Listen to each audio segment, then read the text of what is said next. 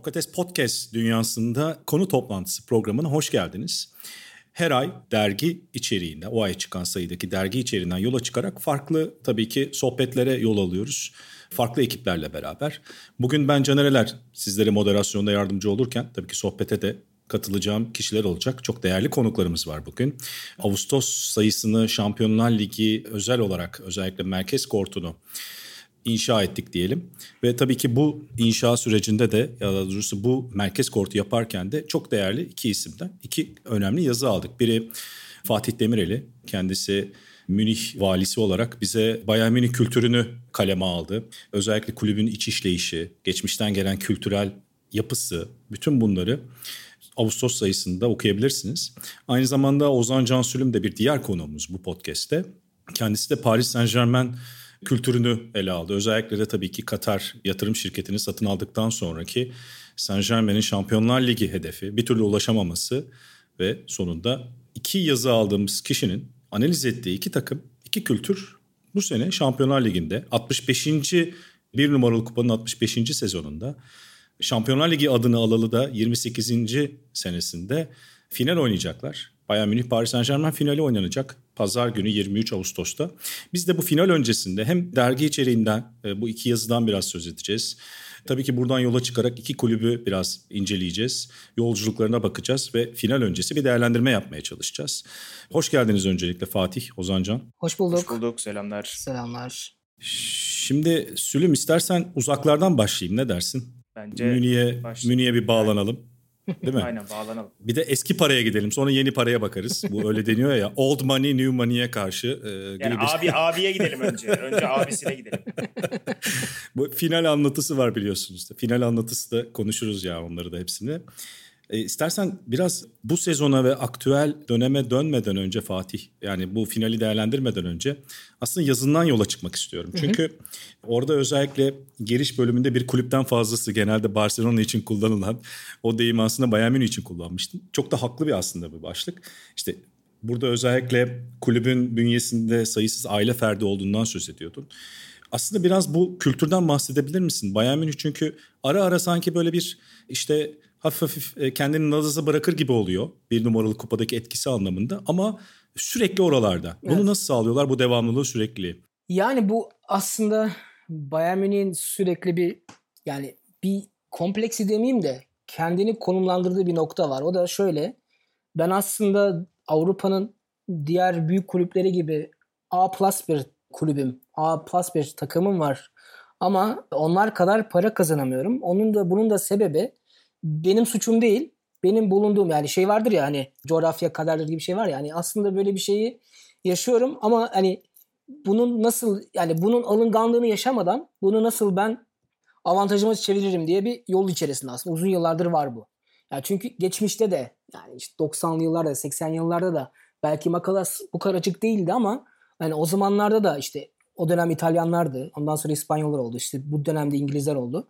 Ama her zaman diğer ligler, diğer yarıştığı kulüpler daha fazla para kazanıyordu ve Bayern de bu yarışa girmeden yani onlarla işte aynı oyuncuların peşinde koşmadan işte aynı yapıya girmeden işte Bayern Münih hiçbir zaman kendisini uzak doğu ya da işte yakın doğu bir yatırımcıya kendini teslim etmez. Yani o öyle bir e, yapısı var. Kesinlikle aslında ona az çok deniyorum neden böyle olduğunu. Onu da birazdan anlatırım.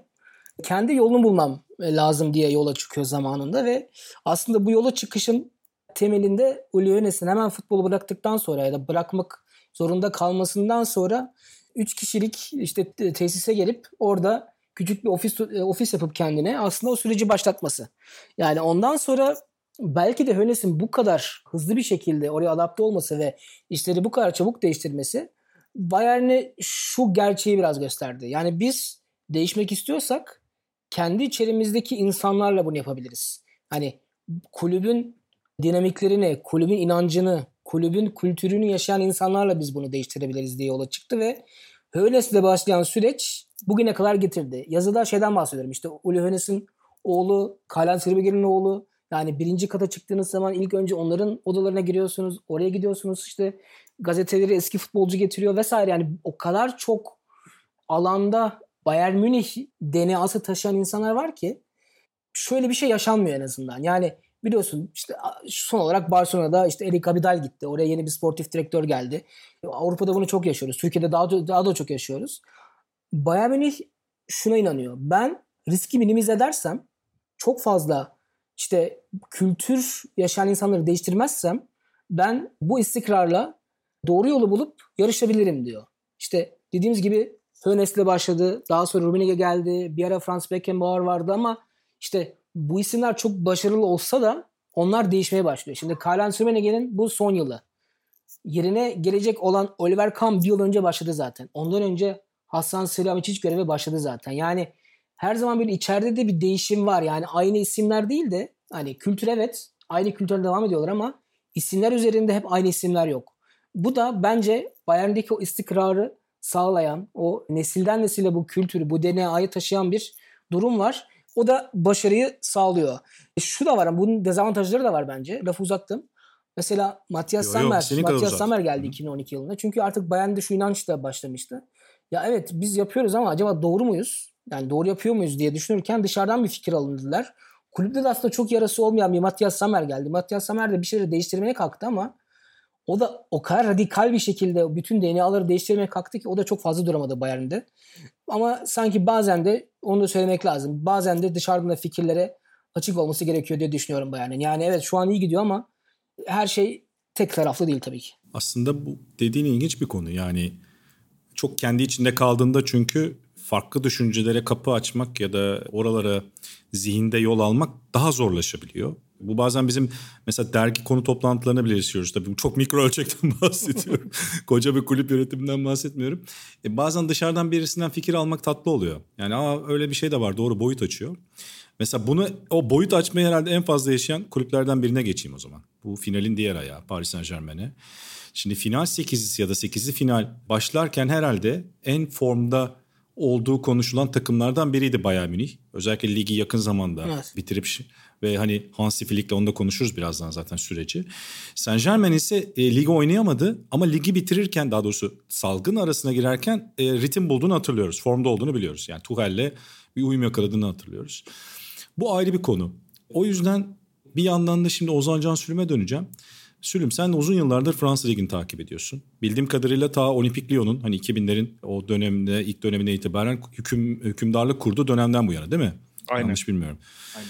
Ki Saint Germain o dönemde de hani ara ara parası olan işte Kanal Plus'un yatırım yaptığı Ronaldinho'yu falan transfer eden o koçayı alan paralar veren ama o başarıyı bir türlü bulamayan bir kulüptü. 90'larda biraz işte kupa galipleri kupasıydı. E, işte Şampiyonlar Ligi'nde zaman zaman etkiydi derken ama asıl Katar yatırımı geldikten sonra tabii ki bambaşka bir görüntü oldu.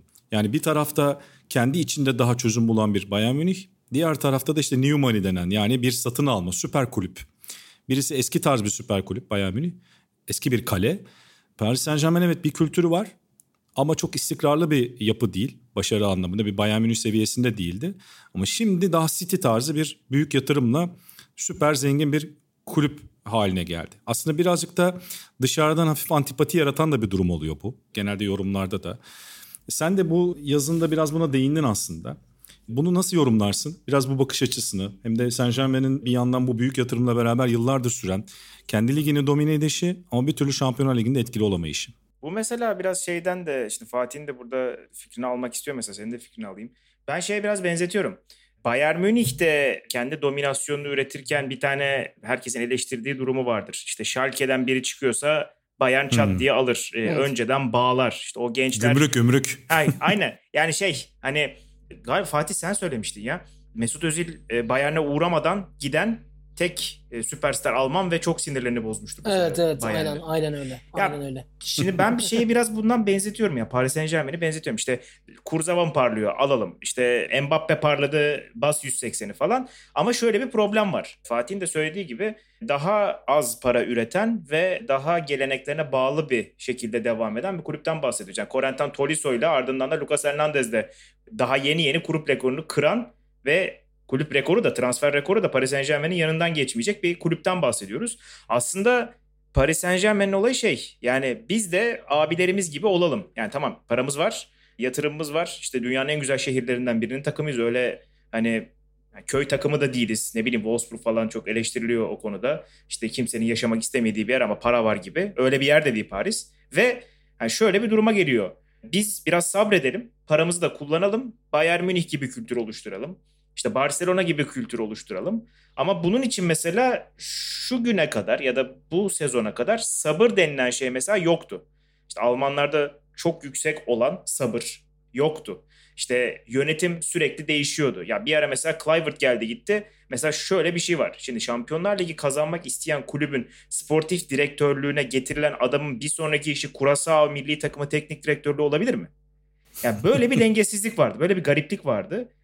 Bunu biraz en azından çözmeyi başardılar ki ya onun da nereye geldiğini görüyoruz. Ha ama sezona bakacak olursak senin de dediğin gibi bir tarafta hani Bundesliga'yı anlatırken görüyorduk. Ya Bayern hani bu kadar Ağustos'ta oynanmasa, bu kadar geç oynanmasa Şampiyonlar Ligi kesin kazanırdı diyorduk. Diğer tarafta da abi Atalanta gümbür gümbür gidiyor. Bu adamlar 3 aydır top oynamıyor. Büyük ihtimal Atalanta eleyecek diyorduk. Yani ikisinin tam tersi şekilde Ağustos'a gelen iki takım finalde karşılaşıyorlar. O bana biraz enteresan geliyor hakikaten. Peki Fatih şimdi Bayern Münih kültüründen bahsettik ama sonuçta Bayern Münih kültürü de ya da Bayern Münih istikrarı da işte Alman makinesi de zaman zaman tökezleyebiliyor. Evet. E, bunu biliyoruz. Hatta krizler yaşayabiliyor. Sen işte Zammer'in geldiği dönemden bahsettin. Aslında bu senenin başında hatta geçen sene sonuyla beraber Niko Kovac üzerinden tartışmalar çok fazla vardı. Ve sene başında aslında Bayern Münih'in burada olacağı pek öngörülmüyordu. Hatta işte Bayern Münih'in bu dönemi bitiyor mu artık? Yani o değişim geçiş süreci sancılı mı olacak derken Hansi Flick'le beraber bambaşka bir seri yakalandı. İşte en son 34 maçta 31 galibiyet oldu değil mi? Yanlış hatırlamıyorum. Evet, evet doğru.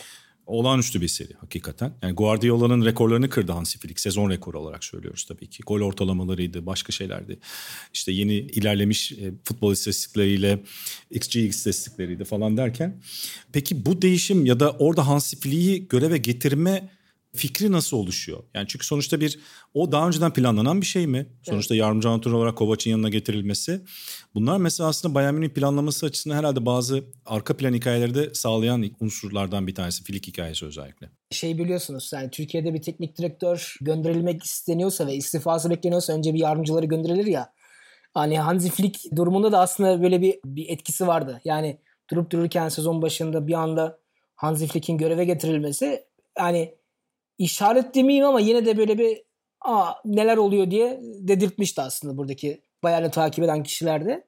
Ya şöyle bir şey var yani bu bahsediyoruz işte Bayern Münih önemli bir yapılanma işte dergide de yazdım işte çok istikrarlı gidiyor gelen isimler tesadüf değil. Yani her yer güzel futbol takımı güzel her şey güzel.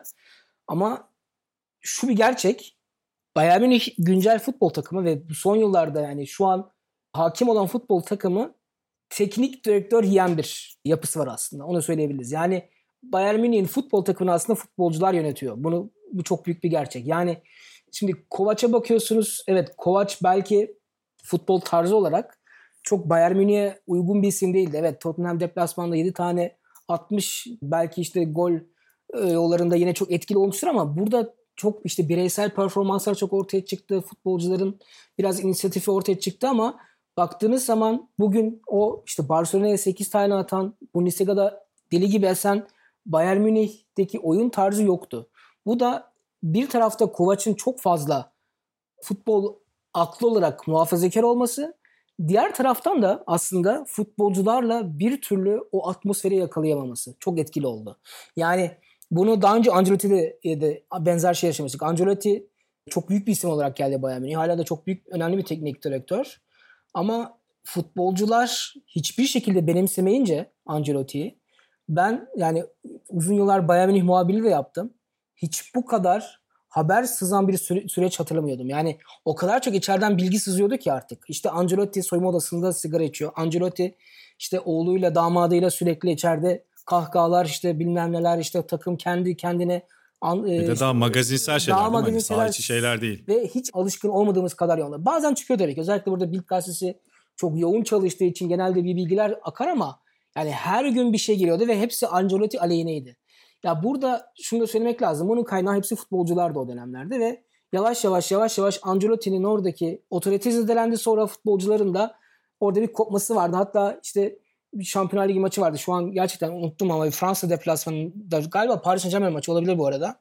Bayern Münih orada bozgun ve Hummels, Boateng, Ribery, Robben yedek oturmuştu o maçta. O maçtan sonra da gitti zaten. Yani orada bir ceza kesti Ancelotti. Çünkü bunun elebaşları kim olduğunu gayet iyi biliyordu. O maçta zaten sonu oldu. Bunu da söyledi Bayern Münih yönetimi. Daha sonra işte Heinkes geri geldi. Ki Heinkes 4 yıl 5 yıl aradan sonra geldi. Heinkes'i çok seviyorlar. Çok iyi bir dönem oldu yine. Kovac'la yani Kovac'la şöyle bir şey de oldu. Artık yani sadece futbolcular değil yani futbolcular maç her maçtan sonra artık böyle kazansalar da böyle bir teknik direktöre doğru iğneleyici bir açıklama geliyordu. İşte Thomas Müller biliyorsunuz işte bu Lewandowski esprileri şu an havada uçuşuyor.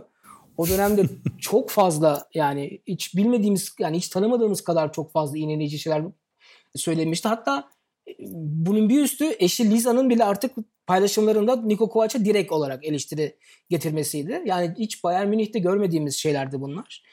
Ardından Hans Flick'in gelmesi tabii şu etki yarattı onu söyleyelim. Kovac işte Alman milli takımı futbolcusu işte şöyle işte yıllardır burada o ayrımı çok yapmadan demin dedim ya hani yeni elementlere açık değil Bayern Münih ve burada aslında Kovac bunu yapmaya sağ yapmaya çalıştı. İşte Coutinho'yu biraz daha oynatmaya çalıştı. James Rodriguez'i biraz daha oynatmaya çalıştı. Luka Hernandez'i 80 milyon euro aldılar oynatmaya çalıştı. Hansi Flick'in gelişiyle bunların hepsi değişti bir anda. Yani Thomas Müller yine takımın bank oyuncusu oldu. Geride Boateng takıma geri döndü. Orta sahada Goretzka, Kimmich yanında ikisi oynadı. Yani biraz daha yine hani oradaki soyunma odası tesisteki atmosferi yüksek tutan isimlerin üzerinde kurulu bir sistem oldu ve hemen daha ilk maçlar oynandı. İşte Flick'le çok değiştik. İşte Flick'le işte futbol arzumuz geri döndü. İşte antrenmanımız çok çok güzel. İşte çok yüksek tempodayız. Yani gibi gibi şeyler aslında çok klasik şeyler oldu ve şu an tabii ki Flick'in önemli bir başarısı var. Futbol kimliğini tekrar değiştirdi. Biraz daha öne taşıdı ama yani soyunma odasının arkasına alması tabii ona çok büyük bir kazanç sağladı. Ki şunu da söyleyeyim yani yönetim yönetim anlamında da çok büyük destek gördü. Şunun etkisi var. Onu da kapatacağım. Bayern Münih'te her zaman iki yönetim vardır. Bir tanesi Rummenigge'dir, bir tanesi Hönes'tir. Kovac'ı isteyen Hönes'ti, Rummenigge Tuchel'i istiyordu. O yüzden Rummenigge hiçbir fırsatı kaçırmamıştı Kovac'la ilgili bir kötü bir açıklama yapmak için. Yani soru gelmiyordu. Ona rağmen Kovac'ı eleştiriyordu. Hönes'in de artık resmi görevlere bırakınca da kulüpteki son destekçisi ayrılınca da artık Flick'in gelmesi an meseleydi zaten. Ve Kovac'ın gitmesi. İlginç bir konu aslında. Yani eskiden daha çok Beckenbauer'in tek ses olduğu bir yer diyebilir miyiz? Şimdi ama daha iki ses oldu Hönes ve Rummenigge dedin. Şimdi artık Hönes olmadan yine tek sese dönüyor anladığım kadarıyla. O da Rummenigge'den sonra Kaan mı olacak? Şimdi Kaan var. Kaan önemli bir figür ki Kaan şimdiden aslında o role yavaş yavaş girdi aslında. Yani şimdi Şampiyonlar Ligi öncesinde son büyük basın toplantısını Oliver Kahn yaptı ki bu bence önemli bir mesaj. Rummenigge'nin yapmaması, Kahn'ın yapması önemli bir mesaj. Yani oradaki verdiği mesajlar da önemli. Hasan Selamiçic geldi mesela. O biraz yani ilk geldiği dönemde çok karikatüze edildi. Yani işte ya işte Salihamidzic kim? İşte sürekli bilen adam Bayern Münih sportif direktör olur mu? İşte ya yeterince network'ü var mı? Orada da mesela o dönem yine çok benzer bir süreçti. Ancelotti'de olduğu gibi. Yani böyle hiç dışarı sızmayan bilgiler bir anda ortaya çıktı. Mesela bir örnek vereyim. Thomas Lemar transferi gündemde. İşte scoutlar getiriyor diyor ki işte Lemar çok önemli bir oyuncu bunu alalım diyorlar. Salihamidzic diyor ki toplantıda Lemar kim ben tanımıyorum diyor mesela. Ve bu basına sızdı. Tamam mı? Yani bu böyle böyle bir süreçten geçti Bayern Münih ama Salihamidzic de yavaş yavaş yavaş yavaş kendisini biraz da geriye çekerek çok fazla konuşmayarak çünkü şöyle bir şey var. Almancası iyi ama o kadar hakim olmak için vücut dili de çok yeterli olmadığı için biraz karikatürize edilir her defasında. Biraz kendini geriye çekti. Daha az konuşmaya başladı transfer süreçlerini iyi geçirmeye başladı. Şimdi Alfonso Davis herkes konuşuyor. Alfonso Davis tamamıyla bir Hasan Salihamidzic projesiydi mesela. Onun getirdiği bir isimdi mesela. Yani bu ona bir artı yazdı. Daha sonra zaten şu an bir terfi Çok de... büyük bir artı bu arada. E, tabii ki yüzde yüz. Yani bu transferlerde iyi, iyi işler de yaptı. Baştan şey deniyordu mesela Oliver Kahn'la işte arası iyiydi futbolcu döneminde ama Kahn onu ister mi ama onlar arasında iyi bir uyum oluştu. E şu an yani yavaş yavaş o devir teslim başlıyor gibi Kaan daha çok konuşan, Salihamidzic daha çok çalışan figür olarak orada şu an sazı eline alıyorlar. Sülüm, Ozancan Sülüm sana şöyle döneceğim. Ya bu arada e, dinleyenler varsa biz tabii çok uzun yıllardır e, muhabbetimiz olduğu için ben hep Sülüm diyorum. O yüzden bazen arada hani hitap anlamında samimiyetimizden kaynaklanıyor. Bunu da söyleyeyim. Aynen ben de Mösyö derim ama henüz e, fırsat bulamadım. İstediğin gibi istediğin gibi. Ondan sonra şunu söyleyecektim aslında oradan geçiş olarak. Mesela kimlik bulmak herhalde bir kulüp için hele böyle süper yatırım aldıktan sonra bir kulüp için daha kritik bir unsur oluyor sanırım. Bunu özellikle son 10-15 yılda bu süper zengin kulüplerin artmasıyla beraber daha net görüyoruz. Özellikle de daha önceden büyük başarılı olmayan kulüpler. Mesela City bunun herhalde en büyük örneklerinden biri. Tamam Manchester Kent'in diğer şeyi tarihi çok eskilere dayanıyor ama Avrupa'da büyük kulüp olarak var olma kültüründen bahsediyorum. Saint Germain bu konuda nispeten biraz daha şanslıydı. Bir büyük şehrin tek büyük temsilcisi e, sonuçta. Ama bir futbol şehri olduğu tartışılır mesela Paris. Bir de öyle bir dezavantajı var Saint Germain'in o kültür anlamında. Münih mesela bariz bir futbol kenti. Ve bu kimliği bulurken de bu büyük yatırımla beraber City'nin nasıl Guardiola ile bir teknik direktör takımına dönüşmesiyle beraber ki ondan önce hiçbir zaman teknik direktör takımı olmadı City. Yani işte Mancini'si, Pellegrini'si daha çok yıldızları yöneten teknik adamlar gibiydiler. Evet. Saint Germain'de o kimliği arar gibiydi. Sen de yazında ondan bahsetmişsin aslında. Tuchel takıma geldiğinde e, geldiğinden beri yıldızları transfer eden agresif kulüp imajını dağıtmaya, spot ışıklarını oyuncuların üzerine alıp takıma döndürmeye çalışıyor diye yazmışsın. Bunu biraz açabilir misin? Çünkü o, o sanırım kimlikle alakalı bir ve Tuhel biraz seçildiğinde de tartışılmıştı. Ya bu kadar yıldızların hakim olduğu biraz aslında NBA tarzı bu kadar büyük paralarla transfer edilen Mbappe'ydi, Neymar'dı gibi oyuncuların söz sahibi olduğu, soyunma odasını çok net idare ettiği bir başka kulüp ki demin Fatih Bayern örneğini vermişti. Ancelotti'nin yaşadığı sıkıntıları ki Ancelotti Saint Germain'de de belki benzer sıkıntılar yaşadı diyebiliriz. Bu Tuchel bu konuda daha metodik bir koç olarak, teknik adam olarak daha zorlanır gibi öngörülüyor diye hatırlıyorum. Hem oradan başlayarak biraz değerlendirir misin o hikayeyi? Ya mesela sondan başlayayım. Son maçlardan sonra Paris Saint Germain'le ilgili söylenen şeylerden bir tanesi ilk defa takımda takımdaşlık var çok uzun süre sonra gibi bir şey söylendi. Yani bütün hani Fransızlar da Paris Saint Germain'i takip edenler de belli bir takımdaşlık, bir takım ruhu var ve herkes birbiriyle oynamaktan keyif alıyor. Yani işte skor ya da istatistik üretmekten keyif almaktansa ya da kupa kazanmaktan çünkü işte lig kupası var, Fransa kupası var. İlla yana iki tane, üç tane tik atabiliyor oyuncular. Bundansa takımdaşlıktan ve takım içerisinde olmaktan çok mutlu gibi gözüküyor oyuncular. Bu Tuhel'in ürünü demişlerdi. Ama en başa dönmek lazım. Mesela ilk dönemde yine Carlo Ancelotti'ye geliyor olay. Pragmatik bir koç. Bunu futbol takip eden herkes biliyor. İşte o geçiş dönemini bir an önce kapatalım. O sırada da kupalar alalım, şampiyon olalım. Zaten oyuncular da gelecek, egolarını da yönetebilir gibi bir anlayış. Ondan sonra Laurent Blanc geliyor. Laurent Blanc bence ben hala söylüyorum kesinlikle gitmemesi gereken biriydi ki gittikten sonra ne kadar sancılı bir döneme girdiklerini gördük. Şöyle bir durum oluşmuştu. Paris Saint Germain bir maça çıktığında ne oynar, kimin nerede görevi vardır, takım nasıl transferler yapacak, işte takımın kilit oyuncusu, hücum oyuncusu, kaptanı, lideri kimdir bunların hepsi belliydi. Fakat sonra bence şuna dönüştü olay o kimlik arayışı sırasında. Ya işte Blan'la 3 sene üst üste zorladık. Tamam ligde her şeyi aldık. 11 tane kupa aldık. Fakat Şampiyonlar Ligi'nde son 8'den başka bir şey yapamadık. Tamam kardeşim bas parayı Neymar'a. Bas parayı işte şeye Mbappe'ye. Kim var son dönemde iyi teknik direktör? Tamam Unai Emery gelsin. Mesela Şampiyonlar Ligi'nde böyle bir marka oluşturmaya çalışan ve Şampiyonlar Ligi'ni kazanmaya çalışan bir kulübün Unai Emery gibi bir sonraki seviyeye geçmesi gerektiği düşünülen fakat o seviyede herhangi bir şey yapmamış bir antrenöre gitmesi bana çok garip gelmişti. Ki medyatik olarak da mesela Unai Emery'nin işte sosyal problemleri çok söylendi. İşte dalga geçti Fransızlar işte Fransızcasıyla vesaire. Öyle bir uyumsuzluk yaşandı ki tam böyle hani bir şey kurduk planla bir sonraki seviyeye geçeceğiz tak geriye düştüler. Ve zaten yazıda da yazmıştım ben onu. E, remontada oldu. Yani tarihin yani bir kulüp gerçekten öyle bir şey yaşadıktan sonra psikolojik olarak çok zorlanır. Yani rencide edici bir şekilde elendiler o geri dönüşte. 6-1'den bahsediyorsun. Hı hı. Aynen ondan bahsediyorum. E, bir de mesela o dönemde mucizevi bir şekilde belki ama e, Monaco'ya şampiyonluk da verdi bu takım. Yani aslında iki sene üst üste korkunç şeyler oldu. Yani bir tanesi zaten kazanıyoruz diye başladıkları bir ligi kaybettiler. İkincisi daha felaket bir şey oldu. Şampiyonlar Ligi'nde tarihi bir şekilde farklı bir şekilde yendik ve Barcelona'yı eliyoruz kafasına girmişken bir anda felakete dönüştü her şey. Oradan sonrası zaten ben merak ediyordum mesela ne olacak diye. Ve bence biraz sakinleşti Paris Saint Germain yönetimi. Yani işte Tuchel'in gelmesi, şimdi Tuchel'in gel, Tuchel geldikten sonra kimler geldiğine bakıyorsun. Thilo Kehrer yani Paris Saint Germain Thilo Kehrer'i transfer eder miydi? Etmezdi. Tuchel getirmesi. Abdou Diallo aynı şekilde. İdrissa G yani bunların hiçbiri parlak, işte spot ışıklarını çekecek. Vay be ne transfer yapmışlar. Adamlar gene işte parayı bastı aldı falan gibi transferler değiller. Ama Chupo, Chupomoting. ha, Chupomoting yani mesela Chupomoting turu getirdi ya. Kimsenin düşünmediği bir şey bu. İnanılmaz bir şey. Ona bir ekleme yapabilir miyim? Müsaaden Ha, varsa. tabii ki tabii istediğiniz gibi. Şey vardı. Bu Leipzig maçı öncesinde Tuchel'le bir röportaj yaptı Almanya'da Sky. Şeyi sordular. Yani neden Choupo-Moting'i aldınız diye bir soru soruldu. Şey dedi. Yani bizim ben geldiğim zaman dedi. Bunu gülerek söylüyor. Yani soyunma odası çok kolay bir yer değildi dedi. Bizim dedi orada bir medyatöre ihtiyacımız vardı. Yani büyük küçük Hmm. ayırmayan yani herkesle arası iyi olan birine ihtiyacımız vardı ve Choupo-Moting tam bu. Yani Neymar'la da arası çok iyi, Gaye'yle de arası çok iyi, herkesle arası çok iyi. Herkesle iyi muhabbet kuran bir isim. Oynamadığı zaman da sıkıntı yapmıyor ama aynı zamanda bu çok önemli dedi.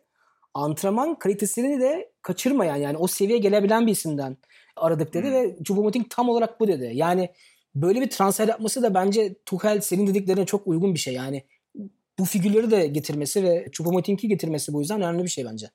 Yani işçi arılar aslında değil mi? Evet. Soyunma odasında dengeyi sağlayacak ve görev adamları ki görev karakterleri aslında belki de. Kesinlikle. Ya mesela şöyle bir şey ya. Chupomatic transferini de ya mesela o tip transferlere, Tuchel transferlerine gelmeden önce şeyi de konuşabiliriz. Ya bu takım kalecilerine bakın sadece. Alphonse Areola kendi döneminin Fransa'da en yetenekli kalecilerinden bir tanesi. O vardı gittiler Kevin Trapp'ı aldılar.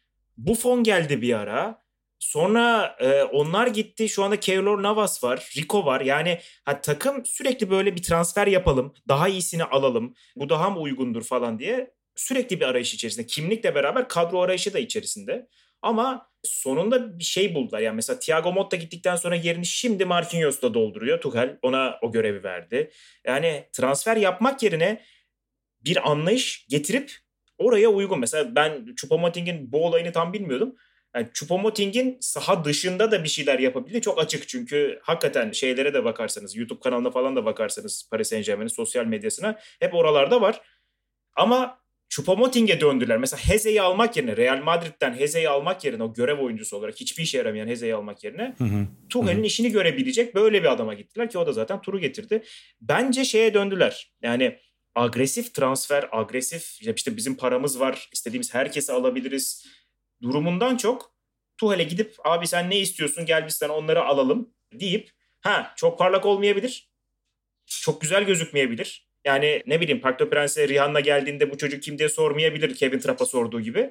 Ama Tilo Kehrer almaya gittiler. Ya da Kardashianlar izlemeye gelmeyebilir. Ha, mesela mesela işte kulübün bence problemlerinden biri oydu. Kimlik yaratmaya çalışırken biz Paris'teyiz. Stadyumumuzdan Eyfel Kulesi gözüküyor. İşte Görkem ve ne- ihtişam. Ha, evet. görkem, Işık şehri ihtişam, çünkü. Paris ışık ışık şehri. Ha, ışıklar bilmem neler falan. Santramızı şey yapıyor işte bilmem kim yapıyor falan.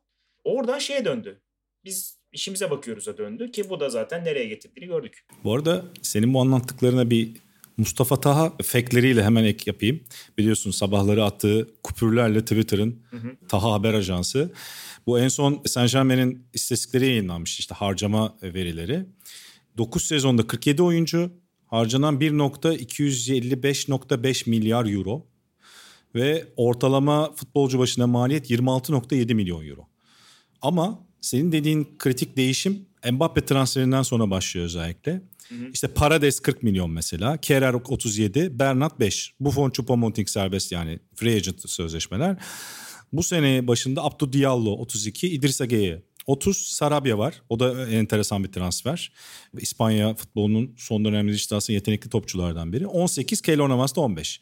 Yani en son Mbappe ve onun öncesi Neymar'dan bu yana nispeten yani Saint Germain ölçeğinde baktığında daha mütevazı meblağlar ve futbolcular gibi gözüküyor. Ne dersin? Aynen öyle ve yani şey de orada biraz ha tabii FFP'den korku vesaire Doğru. Olabilir. Her ne kadar Bir arkasından de dava bir da oldu değil mi arada da. yanlış hatırlamıyorum Tabii, yani.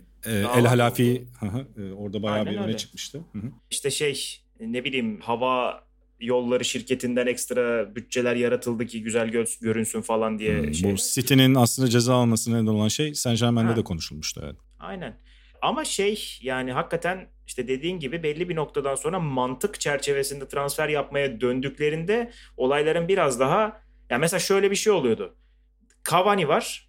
Kulüp tarihinin en büyük golcüsü hala. Ve mesela bunun yerine işte İbrahimovic alınıyordu. 9 numaradan ve İbrahimovic'i mesela Blan'ın istemediği söyleniyor. Çünkü ya Cavani var ben ne yapayım bir tane daha bu kadar üst düzey forveti diyor. Başka yerlere adam alalım diyor. E Cavani solda oynatırsın diyorlar mesela. Hakikaten öyle oluyor. Yani böyle bir noktadan kimi kullanabiliriz, kim işimize yarara döndüler. Ki şu anda işte bu mantıkla da e, evet belki şu ana kadar acayip kupa dominasyonu vardı. Fakat e, şu anda 5 kupayla kapatabilirler sezonu pazardan sonra. Peki Fatih sana döneceğim. Şimdi iki Alman teknik adam finalde karşı karşıya ve farklı aslında yollardan gelen iki teknik hı hı. adam. Biraz aslında Fili'yi parantez açalım istiyorum. Biraz sezon hikayesi çünkü biraz bahsettin ama oraya açmakta yarar var. Çünkü sakatlıklar falan da oldu aslında sezon içerisinde. İşte şu an en son mesela e, Pavar yok değil mi yanlış hatırlamıyorum. Evet. Koman vardı ee, düzeldi ama muhtemelen vardı, yine de oynamayacak düzeldi. gibi görünüyor. Evet. evet ama mesela işte sezon içerisinde Kimih'in verimli kullanılması hani hakikaten bambaşka bir evreye geçti diyebiliriz herhalde Joshua Kimmich. Yani Flick'in oradaki iletişiminin çok kuvvetli olduğu söyleniyor. İşte Heinkes'in bıraktığı bir miras vardı. Guardiola dönemi çok yoğun bir dönem. Ee, ki senin çok yakından takip ettiğin bir dönem. Yani hepsi öyle ama Guardiola'da özellikle aktif olarak Bayern Münih'i de yanlış hatırlamıyorsam direkt birebir maçlarını muhabir olarak da Doğru, takip ediyordun. Aynen, aynen. O yüzden o geçişte mesela akabinde şimdi Fili'nin bu yarattığı hava Özellikle Heinkes'te çok daha bağdaştırılıyor. Heinkes'in de çünkü oyuncu ilişkilerinin çok iyi olduğu hep bildiğim kadarıyla söz edilir e, geçmişten Doğru. bugüne. Filik hem onu yapıyor ama bildiğim kadarıyla saha içine de dokunuşları bu sene kritikti. Biraz onlardan da söz edebilir miyiz? Çünkü Heinkes'in takımında Ribery ve Robben gibi iki yıldız kanat vardı. Onların yerine aslında daha onlar oynarken Coman ve Douglas Costa monte ediliyordu. O sezon hatta Eurosport'ta anlatım yapıyorduk beraber Bundesliga'da Doğru, değişerek. Mesela orada Douglas Costa projesi olmadı ama Koman hala devam ediyor. Ama bir yandan şimdi Nabri geldi. Nabri'yi de çok yakından takip ediyorsun. Biraz o dokunuşları mesela Nabri'yi monte edişi çok önemli sanki. Verim alışı ondan. Filik'in.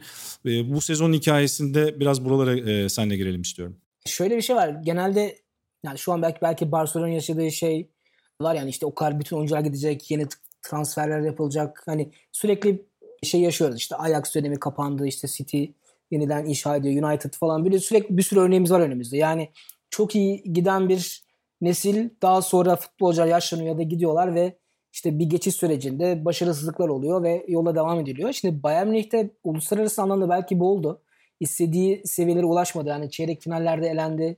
Daha erken elendi. Aslında bir şekilde Bayern Münih'in hedefi her zaman Şampiyonlar Ligi'nde final oynamak olduğu için ama ulusal anlamda şöyle bir şey oldu. Yani işte 8 üst üste şampiyonluk ve bu süreçte sen kilit isimleri söyledin. Robben Ribery işte bu hep konuşuldu. Ya bu isimlerin yazıları nasıl olacak? Hani kim gelecek ki bu isimlerin yeri dolsun? Çok isim yazıldı, çizildi.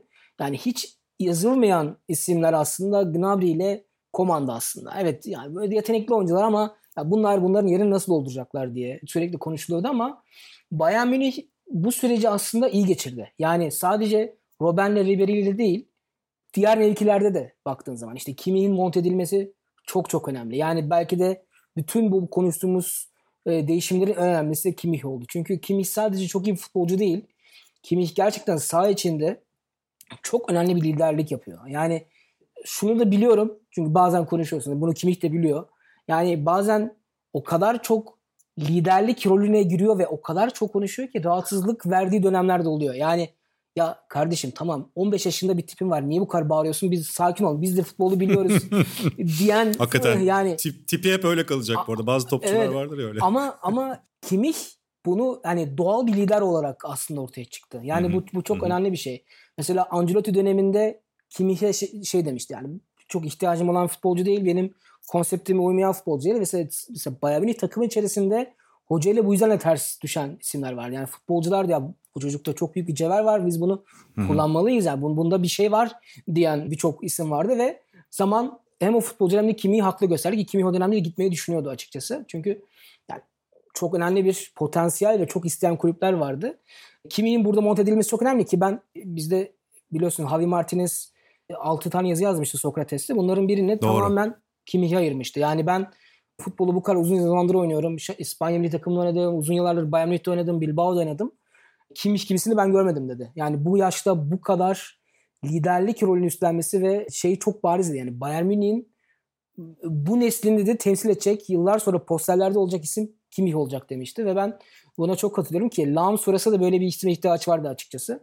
Ve Biraz yani, bayrak adam, bayrak, adam tarzı Bayrak adam tarzı. Evet Müller'de de var bu ama şimdi Müller de belirli bir yaşa girdi. Lewandowski Hı-hı. mesela hiç o role girmedi. Lewandowski çok iyi bir golcü. Rekorlar kıran isim ama hiçbir zaman bayrak adam olmadı. Yani biraz şey aslında. Yani biraz bireyselliğe daha çok önem veren, biraz daha çok kendine bakan bu bu bir sorun değil Bayern Münih'te ama hiçbir zaman işini yapıyor. işini yapıyor ama hiçbir zaman bayrak adam olmadı. Yani işte ben takımı taşıyacağım, takımı ileri taşıyacağım isim değildi. Şimdi baktığınız zaman böyle bir eksiklik yine var. Boateng de öyle bir isim değil. Alaba yavaş yavaş şimdi o role giriyor. Şimdi Alaba mesela bir yıldır sözleşme uzatmıyor Bayern Münih'te. Ya kalacağı aslında belli ama sadece kendi rolünü görmek için aslında biraz bu işi uzattı. Yani bu çok bariz aslında. Şimdi son olarak menajer değiştirdi. Şimdi yine menajerle bu sözleşme uzatıyor ama o da artık bir de stopere geçmesiyle artık yani oyunun merkezi evet oyunun Hani Davis, Alfonso Davis sola gelip Alaba'yı mesela Flick'in bir dokunuşu da o. Yani Yüzde Davis'ten yüz, verim alıyor. yüz, evet. Aynı zamanda Alaba'dan da verim almaya devam ediyor koyduğu pozisyonda. O da sanırım Alaba'yı pozitif etkiledi mi bu arada? Etkiledi. Aslında şöyle bir şey var. Alaba yıllarca orta sahada oynamak istiyor. Yani geldiği günden beri ben orta saha oyuncusuyum. Avusturya milli takımında orta sahada oynuyorum. Ben orada oynamalıyım diyen biriydi ve ondan önce Kimmich'in orta sahaya geçmesi Alaba'yı biraz e, rahatsız etmişti açıkçası. Ama şimdi stoperde soldan daha iyi oynayınca oyunun biraz daha merkeze yani oyunun biraz daha merkezinde, oyunu biraz daha force eden, oyunu arkadan kuran bir isim olmaya başlayınca oradaki önemi de biraz daha arttı ve Alaba'nın da hoşuna giden bir şey bu. Şimdi dediğin gibi yani Flick neler değiştirdi? Evet mesela bunu değiştirdi. Mesela Pavard geldiği zaman evet 35 milyon euro para verdiler bu arada. Az bir para vermediler ama yani Pavard acaba Bayern Münih ilk 11'inde olabilecek bir isim mi diye konuşuluyordu. Kovac daha çok Kimmich'i oynatıyordu o bölgede ama Flick gelir gelmez hayır ben Pavard'a güveniyorum çünkü yani güvenmem de lazım çünkü ben Kimmich'i orta sahada oynatmak istiyorum dedi ve orayı monte etti. Mesela Thiago Bayern Münih'te aslında çok önemli bir roldü ama oraya Goretzka'yı monte etti. Yani Thiago'nun hem artık ilerleyen yaşı hem sürekli bir nasıl diyeyim gitmeyle ilgili bazı projelerin olması. Orada artık Goretzka'nın da bir hani yer edilmesini çok istedi ve sağladı bunu. Yani şunu söyleyebiliriz. Takımı biraz da Almanlaştırdı, Almanlaştırdı aslında Flick. Bu da Bayern Münih açısından az önce dedim ya bayrak adam. Hani bu bayrak adamların her zaman Bayern Münih'te olması, Alman futbolunu Ar- domine eden... araya gireyim mi? Çok özür dilerim. Bunu sana açmak için söyleyeceğim. Tabii ki. Sülüm sen de lütfen oradan istediğin zaman şey yap yani. Hiç Hı hı. şey yapma. Geri çekilme yani. Flick'in e, Twitter'da da çok konuşuldu. Daha önce 7-8 yıl Almanya milli takımda Löw'ün yardımcılığını yapmış olması. Hatta bildiğim kadarıyla e, bir dönemde Almanya'da altyapının başındaydı. Yani tüm teknik direktörüydü diye hatırlıyorum değil mi? Yanlış hatırlamıyorum e, Fatih ünvanını. O yüzden de işte Kimmich gibi ya da işte diğer Müller gibi birçok Alman futbolcuyla zaten iletişimi çok kuvvetliydi diye biliyorum. Hem Evet, 2014 evet. Dünya Doğru. Kupası hikayesinde. Doğru. Hatta orada bir anekdot var. İşte Mertesaker'e Hönig'den yazdı yanlış hatırlamıyorsam en son. Mertesaker'e e, Löw hani şey maçında oynamayacağını anlatacak. Bütün e, Dünya Kupası'nın başından beri var ama çeyrek finalde oynamayacağını söylemesi lazım. Çünkü orada taktiği değiştiriyor. E, söylerken zorlanıyor. Fili'ye dönüyor. Filik daha güzel anlatıyor. Mertesaker hem moralini bozmadan, kırmadan, dökmeden Mertesaker'i takımın bir parçası gibi hissettirerek çok iyi bir iletişim kurarak hem onun e, uzaklaşmasını engelliyor motivasyonunu hem de takımın doğru taktiğe geçmesini sağlıyor ya da dizilişe diyeyim. Ve bunu Almanlaştırma dediğin için açıyorum bu parantezi. Evet, evet. Filik buradan bu kökten yani bu ağaçtan teknik direktör ağacından geldiği için bu biraz buraya yaklaşıyor olabilir mi? Nabri de mesela bunun bir örneği. Kesinlikle. Kesinlikle. Yani Mertesaker güzel bir örnek. Mertesaker Almanya'da Şampiyonlar Ligi yorumcusu. Yakın zamanda da Flick kendisine soruldu dedi ki ya şaşırdım diyemem yani böyle olmasına ama e, çok da beklemiyordum dedi. Yani bu kadar hızlı bir şekilde Bayern Münih gibi zor bir yapıda kendisini yer bulmasını beklemiyorum ama şunu çok iyi bildiğim için dedi. Yani insani yönleri o kadar kuvvetli ki dedi.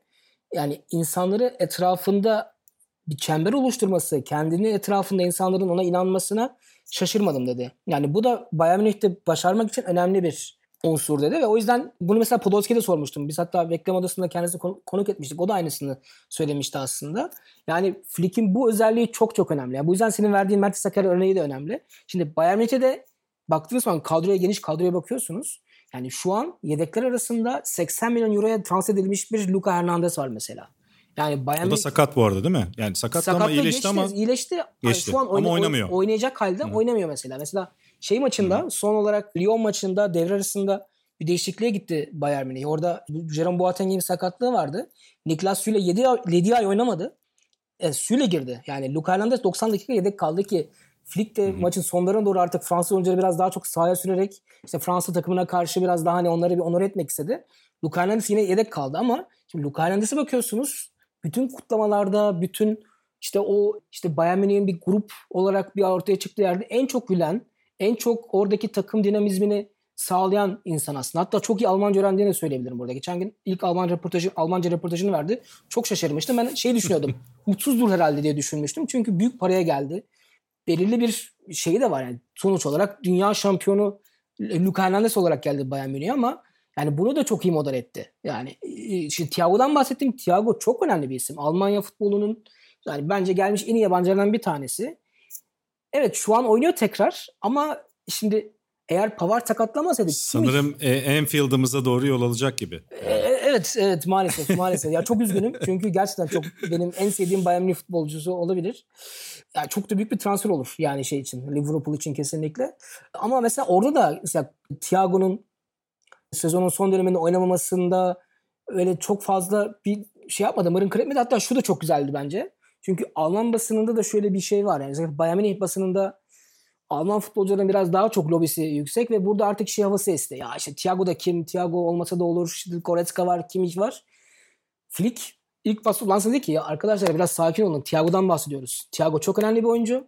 Dünya yani dünyanın en iyi orta sahalardan bir tanesi ve ben bu takımda kalmasını istiyorum. Kalmasa da çok büyük değer kaybederiz. Yani bu da giden bile olsa onu oyuncusunu bu onur etmesi bence önemli bir şey ve bunu bütün futbolcular çok takdir ediyor. Yani bunu Lewandowski de çok kolay bir figür değil ama Lewandowski de bunu söylüyorsa zaten e, bütün futbolcular zaten memnundur.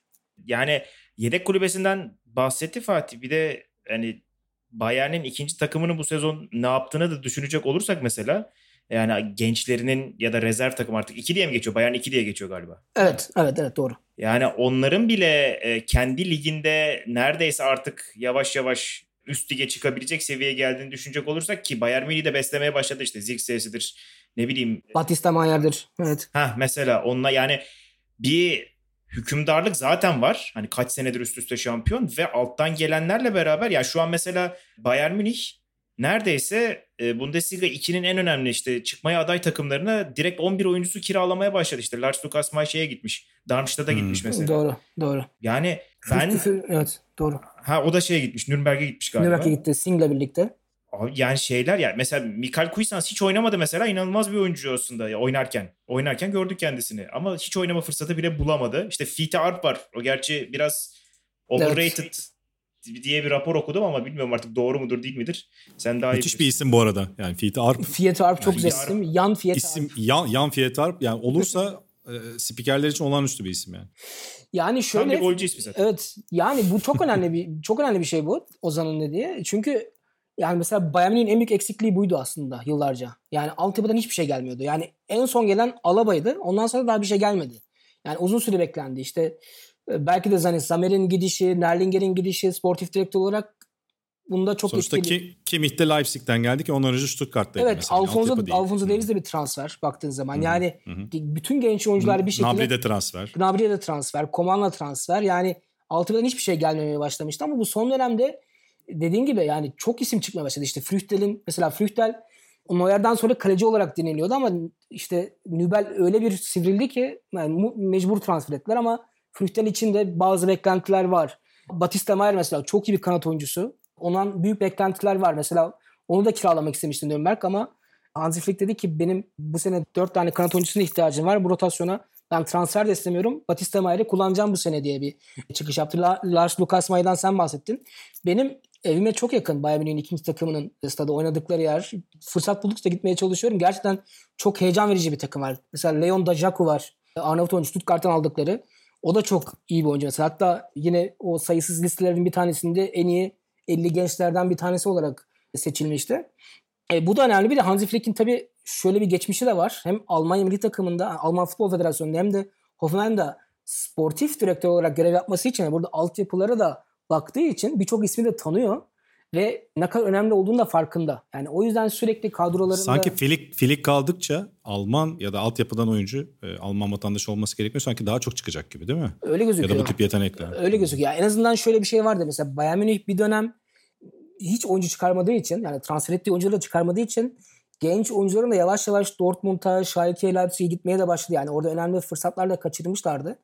Yani en azından burada tekrar belki masada olacak. Yani öyle gözüküyor. Yani şimdi Royce da belki Royce farklı bir isim ama hani o kalibredeki oyuncular da yavaş yavaş belirli bir yaşa geldiğimiz zaman Bayern Münih'te oynayabiliriz düşüncesinden çıkıp daha genç yaşta Bayern Münih'te oynayabiliriz havasına gider. Şimdi Sritze mesela yani çok önemli bir oyuncu, oyuncu olacak gibi duruyor. Yani şimdi Lewandowski her maç oynamak istediği için çok göremiyoruz ama aslında çok büyük bir cevher baktığınız zaman. Şimdi bu da önemli bir şey aslında ve hani A takım böyle, altyapı böyle ve bu arada bütün alt yaş gruplarına baktığımız zaman yani U15'leri, U14, U her yerde böyle ki oraya mesela son dönemde sadece futbolcu değil antrenör de yetişmeye başladılar. Hoffenheim şimdi Sebastian Hoeneß'i getirdi takımın başına Bundesliga'ya ki 3. lige çıkaran şampiyon yapan isimdi. Orada da değişimler oldu. Hatta şu an Halil Altıntop U15'in teknik heyetine girdi. Yani ve yani her şeyden bir de bunu da geçtim. Kadın kadın futbolunda da çok atılım yapıyorlar. Hatta yarın cumartesi günü Bayern Münih Lyon maçı orada da var. Yani Şampiyonlar Ligi çeyrek finalinde. Orada da şampiyonluğa koşuyorlar. Doğru. Yani Kadınlar Şampiyonlar Ligi'nde de boy gösteriyorlar. Yani oynanacak. her alanda gerçekten çok büyük bir gelişme kaydediyor Bayern Münih bunu söyleyebilirim. Peki biraz o zaman yavaş yavaş zaten süremizi biraz daha biraz daha süre alalım. Sonuçta Şampiyonlar Ligi finali konuşacağız. Biraz finali konuşmaya başlayalım. Yani final nasıl geçebilir? Sülüm şuradan sana pası atmak istiyorum. Ee, şimdi Filik'i konuştuk, Tuhel'den biraz bahsettik ama ya özellikle mesela Neymar kriz yaşayan bir futbolcuydu. Yani neredeyse istenmeyen adamdı geçen yaz. Ve sıkıntılar yaşıyordu. Bir daha bu seviyeye gelir mi? Hatta bu 8'i finalde oynadığı futbola gelir mi diye çok konuşuluyordu. Hatta çok güvenilmiyordu konuda. Bir yandan Mbappe'nin hep başka yerlere transferi Real Madrid'de çok konuşuldu son dönemde. Bu dengesizlik de vardı bir yanda. Takımın yıldızları açısından söylüyorum. Tuhel de daha kulübe gelir gelmez yanlış hatırlamıyorsam işte şekeri yasaklayan o besin hani klasik Arsene Wenger'in Arsenal hikayesi gibi. Yani kulübün o anlamda da çevresini değiştiren bir teknik adam diye hatırlıyorum. Yazıları okuduğumuzu hatırlıyorum.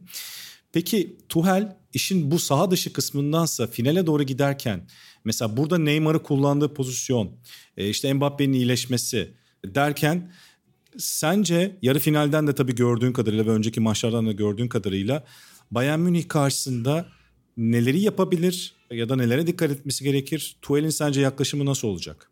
Benim iki tane merakla beklediğim şey var. Bir tanesi mesela Neymar iki maçta da gördük. inanılmaz şekilde derine gelip neredeyse hani atıyorum defansif orta saha pozisyonuna gelip oradan oyun kuran zaman zaman driplingle zaman zaman işte pası verip tekrar hareketlenerek ve ceza sahasına diğer oyuncuları yaklaştırıp sonra kendisi yaklaşan bir yapıda bulundu. Mesela bu özellikle zaman zaman hani birebir de çok fazla sorun yaşadığını bildiğimiz Boateng'in dengesini bozabilir mi? Ben mesela bunu biraz merak ediyorum. Ya da Goretzka ile Thiago çok iyi bir uyum yakalamış olabilirler fakat ikisinin de hani ciğersiz oyuncular olarak görmüyoruz. Öyle diyeyim en azından. O devinimle sürekli nasıl başa çıkacaklar? Onu merak ediyorum. Diğer tarafta da mesela Tuchel'in savunma anlamında da Bayern Münih'in kanat oyununa karşı nasıl bir çare bulacağını çok merak ediyorum.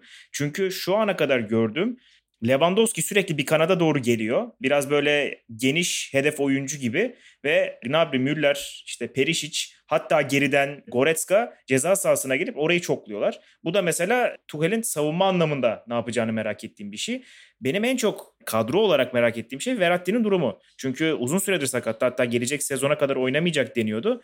Ama şu an hani oynayabilir duruma geldiği söyleniyor. Fakat bu kadar uzun süre oynamadıktan sonra bu kadar başarılı iki maç yapısını 11'ini bozar mı? ondan çok emin değilim. Bir de tabii Keylor Navas'ın oynayıp oynamayacağı merak ediliyor. Ben hani Leipzig karşısındaki kadroya çok dokunacağını aslında düşünmüyorum. Fakat işte Paredes mi Verratti mi? Çünkü Verratti çok çok büyük bir karakteri Paris Saint Germain'in. Yani oyun karakteri neredeyse. Hani 11'de o mu olacak yoksa Paredes mi olacak? Onu gerçekten merak ediyorum. Ama esas olay işte o Neymar'ın hani tamamen oyuna konsantre zaten Şampiyonlar Ligi'nde tamamen oyuna konsantre olmaması mümkün değil. İşte o geriye gelip e, yeni rolüyle ceza sahasından biraz daha uzak oyun kuran rolüyle can yakabilir gibime geliyor. Peki şimdi Bayern Münih'e karşı ikinize de soruyorum. Sürüm senden başlayayım. Şimdi bir Bayern Münih'in Barcelona karşısındaki tarihi 8-2'lik galibiyeti var. Bir yandan da sonraki maçta bir süre bocalayışı var. Bocalayış derken sonuçta Lyon'un özellikle ilk bölümde yakaladığı birkaç pozisyonu atsa işte Depay'ın mesela harcadığı bir iki pozisyon var. Tabii Bayern oradan da dönebilir ama acaba Barcelona'nın e, sıkıntıları şimdi Fatih bana kızmasın.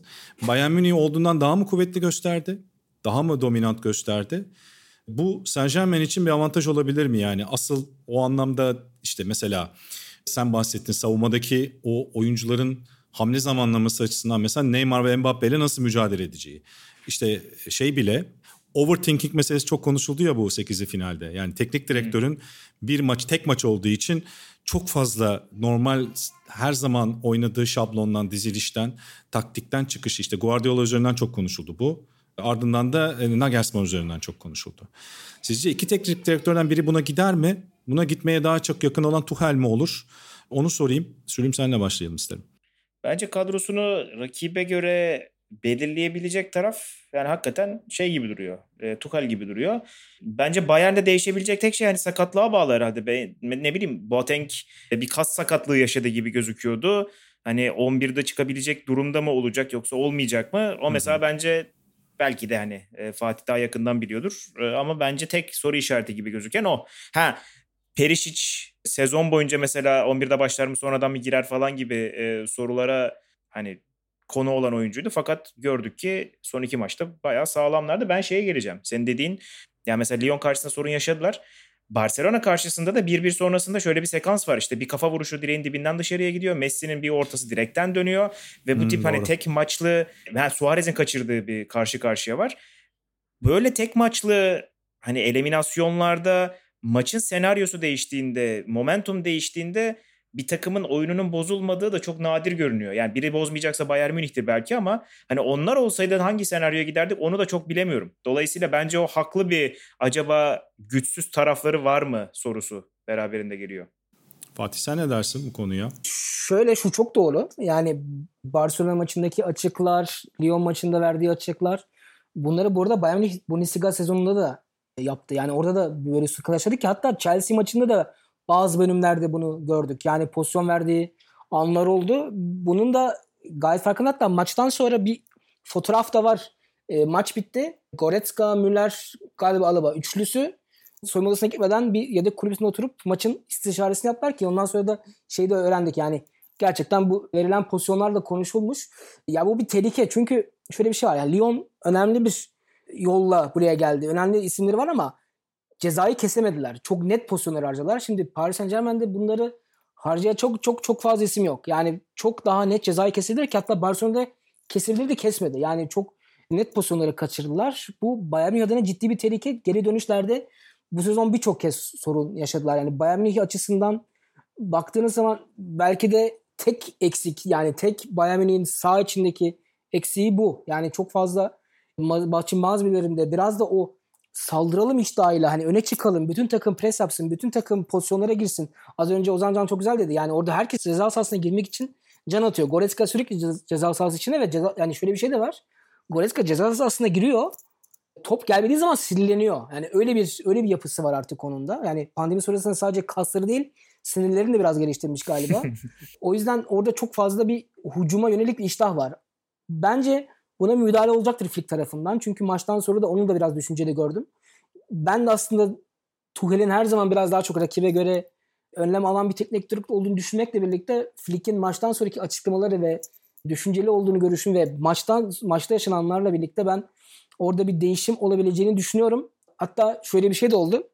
Pavard'ın oyuna girişi Lyon maçında Kimmich'in ortaya alınması nedeniyle yapılmıştı. Yani çünkü orayı biraz daha çok kompakt tutup biraz daha çok topun bizde olmasını sağlamak istemiştim.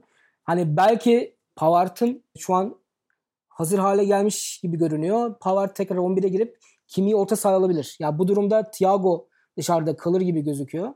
Perisic konusunda bütün sezon yedek kaldı gerçekten ama Koma'nın sakatlığı Lisbon'daki turnuvada Perisic'i sahaya sürdü ve Perisic'in şöyle bir avantajı var Koma'na göre. Perisic ilerlemiş yaşına göre çok daha fazla rakibi karşılamada daha fazla koşu ve daha fazla efor sarf ediyor. Ve özellikle Lyon maçında ve Barcelona maçında bunları çok bariz gördük. Yani golü de hazırladı. Ve ama daha golcü bir kanat yani sonuçta değil mi? Lütfen, yani söyle. fırsatçı. Evet. Daha fırsatçı. Arka direkleri mesela kovalayan da bir böyle bir e, evet, çizgi kes, oyuncusudur. Kesinlikle. Hı-hı. Daha fazla elementi var oyunda. Koman'ın Koman çok Hı-hı. tempolu, çok hızlı bir oyuncu. Yani birebirlerde çok tehlikeli. Çok bariz penaltı yaptırabilen bir oyuncu. Çok bariz pozisyon atabilen bir oyuncu ama Perizic'in şutu da var. Perizic içeri kat edip Nabri nasıl Robben gibi içeri girip o şut atabildi. Perizic'te de var bunlar. Ben bu yüzden Perizic'in bu maçta 11'de olmasını bekliyorum. Dediğin gibi Kimmich'in de orta sahayı toparlamak adına, o pozisyonları vermemek adına Kimmich'in de orta sahada oynayıp Pavard'ın 11'e dönmesini bekliyorum açıkçası. Şimdi Bayern Münih adına kritik isimlerden bahsettin. İşte Alfonso Davis de herhalde oraya ekleyebiliriz. O kanat beki olarak işlemesi çok önemli olacak sanırım. Peki ikinize de sorayım son bölümde artık. Saint Germain adına Neymar, Bayern Münih adına da Thomas Müller en kritik isimler diyebilir miyiz? Tabii ki bu bir takım oyunu. Ama onların işlevsel olması burada herhalde tabii Di Maria'yı da sanırım eklemek lazım. Çünkü Di Maria geldiğinde Saint Germain'in görüntüsü değişti ucumda. E, iki maç Ben arasında. Bu iki öngörü açısından ki konuşulan şeyler benim öngörülerim değil bunlar. Siz ne düşünüyorsunuz? Sülüm senle başlayalım. Ya ben ben Di Maria diyecektim. Yani Neymar'ın zaten neler yapabileceğini ve neler yapmak istediğinde e, rakibi nerelere götürebileceğini gördük. Yani rakibi mahvedebilen bir oyuncu. Neymar'ın bunu yapmasını zaten bekliyoruz ama tek başına bunu yapması da çok zor. Di Maria ya bence büyük maçlarda işte finallerde ya da ne bileyim büyük maçların işte eliminasyon maçlarında büyük takımlara karşı inanılmaz bir konsantrasyon ve aşkla oynuyor. Ya bunu son maçta da gördük ki Atalanta maçında olmadıktan sonra çok daha büyük bir nasıl diyeyim hakikaten aşkla gelmiş. Ben onu bekliyorum. Ya ben onun performansını merakla bekliyorum. Bir de e, şeyi de unutmamak lazım. Onu da hani bu noktada konuşmak lazım. Thiago Silva'nın takımın tarihine geçmiş kaptanın son maçı olacak. O da biraz enteresan bir konu. Çok önceden sözleşmesini yenilemeyeceğini söyledi yönetim Thiago Silva'ya ve kaptanın son maçı olacak. Tam anlamıyla zirvede bırakma maçı olacak ve ben onun da böyle hani böyle duygu twister'ı içerisinde falan maça çıkmasını bekliyorum. Kötü etkiler mi emin değilim. Etkileyebilir çünkü ne kadar tecrübeli olursanız olun hani bu kadar efsanesi olduğunuz bir takımda bu kadar mutsuz şekilde ayrılırken son maçı oynamak biraz garip olabilir. Onun da kafası karışık gelebilir. O da mesela bence hani favori tabii ki Neymar. Arkasında Di Maria. Bonus track olarak da ben Thiago Silva'yı ekleyeyim. Fatih. Sülüm üçlü, üçlü söyle. Ben de bir üçlü söyleyeceğim. Güzel. Kardeşim bizim hakkımız var. Ama e, bu bonus track'li olsun. bonus track'le. Benim, benim bonus track'im ben bonus track'i baştan söyleyeceğim ya. Bonus track'i baştan Tamam söyleyeceğim. süper. Benim süper. bonus track'im Gnabry. Bazen albümleri sondan dinlemeye Evet, başlamak evet, güzel olabiliyor. Aynen, aynen öyle. ya tabii ki Müller çok çok etkili bir isim. Yani özellikle yani Flick'in gelmesiyle o pozisyonu tekrar almasıyla asist kralı olduğu Şampiyonlar Ligi'nde de çok iyi gidiyor. Çok önemli bir rolde. Çünkü Müller aynı zamanda Lewandowski'yi de en iyi anlayan isim aynı zamanda. Yani Lewandowski'yi de çalıştıran isim olduğu için ben de bir numaraya Müller'i yazarım ama tabii Lewandowski de yani o kadar yüzdeli bir sezonda oynuyor ki Lewandowski de tabii çok çok önemli. Fatih araya girebilir miyim? Tabii Şu ki. iki lakabı çok konuşuldu son günlerde. Müller'in sen onları açar mısın? Biri Raumdeuter değil mi? Evet. Rom. Evet. Kesin yanlış okuyorum özür Ra- dilerim. Raumdeuter. Yani İngi Raumdeuter. Ee, ikinci, İngilizcesi Space Investigator. Aynen. Onun o meşhur astronot kasklı bir tane şeyi vardır. Ee, bir de Dream Watcher. Yani Tramgayer mi? Der Tramgayer. Evet, Tramgay, Bu aynen. iki lakabını da açar mısın Narzan kısa kısa? Ee, Müller'in ki bilgilendirme olsun. Yani şu Raumdeuter yani e, o Alan Investigator dediğimiz şey işte. Yani şöyle ya çok konvansiyonel bir oyun tarzı yok Thomas Müller'in. Yani bir taktiksel yani hala da şey konuşuluyor ya bu adamın mevkisi ne? Hala konuşulan bir şey. Bu adam 9 mu 9.5 mu 9 çeyrek mi 10 mu ne artık yani bunu tam olarak kestiremiyoruz ya hala. Aslında Müller'in işte 10.5 9 neyse artık öyle bir alanda ama alanları çok çok iyi bildiği için, ya futbol zekası çok yüksek olduğu için, alan hangi hangi alanda ne zaman olacağını çok iyi bildiği için e, uzun zaman önce galiba bir Alman gazeteciydi. E, Raumdeuter yani alanı keşfeden isim olarak bir lakap tatmıştı. Şimdi Türkçesi ve İngilizcesi çok güzel değil ama Almanca'da kulağa çok hoş geliyor.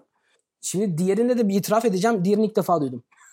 Hiç e, o galiba Güzel. biraz daha uluslararası bir lakap olduğu için e, onu çok açamayacağım. Ama o da güzelmiş. Rüya, rüya yiyici ya. İnanılmaz. Rüyayla besleniyor. Yani Tramgayer hakikaten enteresan bir.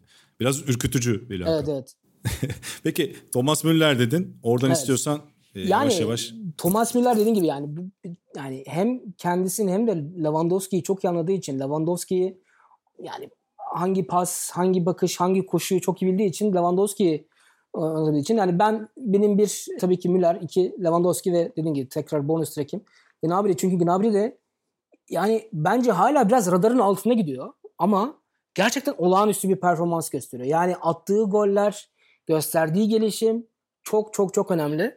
Yani özellikle bu maçtan sonra e, sürekli Tony Pulis konuşuldu. West Bromwich konuşuldu Almanya'da. yani bu, bu kadar mı yanılır bir insan diye. E, gerçekten yanılıyormuş. Çok çok değerli ve çok mesela aşırı tempolu gözükme, gözükmüyordu uzun süre ama temposunu arttırdı, gol vuruşlarını arttırdı. Mesela hep şey vardır yani sol ayağını ayakta durmak için yani düşmemek için kullanıyor derler ama işte attığı golü gördük yani. O da dedi ben herkesi yanılttım dedi yani sol ayağım da var onu da geliştiriyorum dedi. E, ve yaşı daha çok genç ben Gnabry'i yine çok çok önemsediğimi söylemem lazım.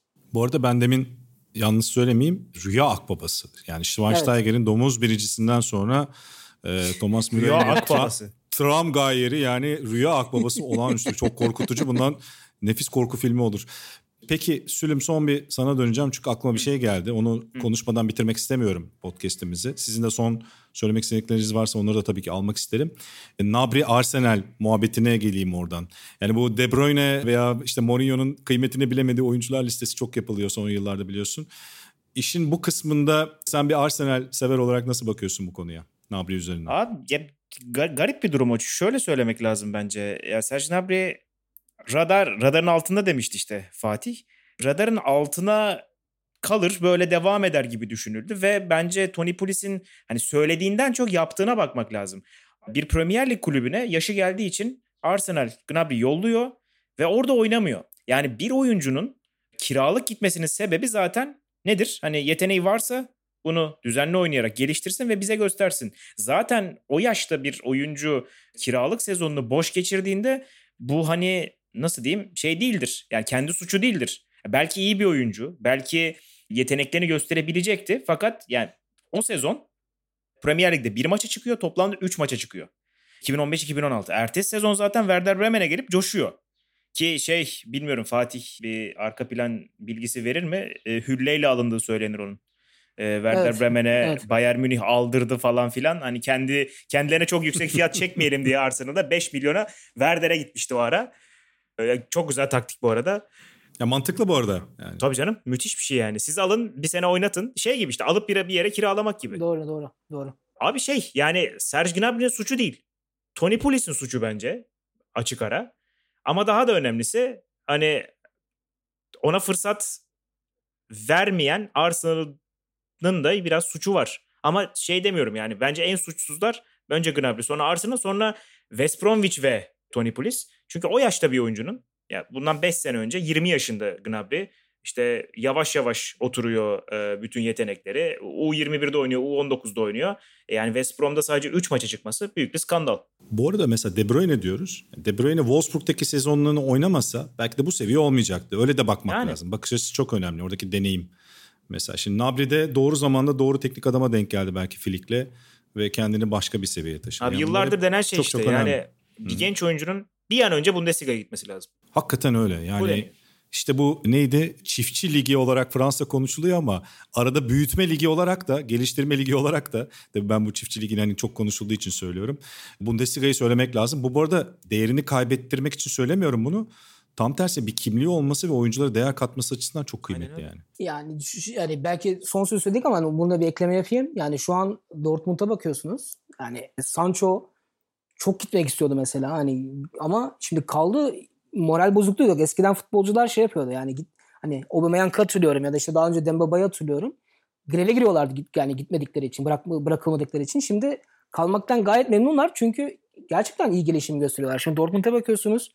Haaland var, e, Sancho var, Reyna geldi. Şimdi Jude Bellingham geldi Birmingham'dan. Ya çok, aldılar. Yani çok Doğru. enteresan bir oyuncu.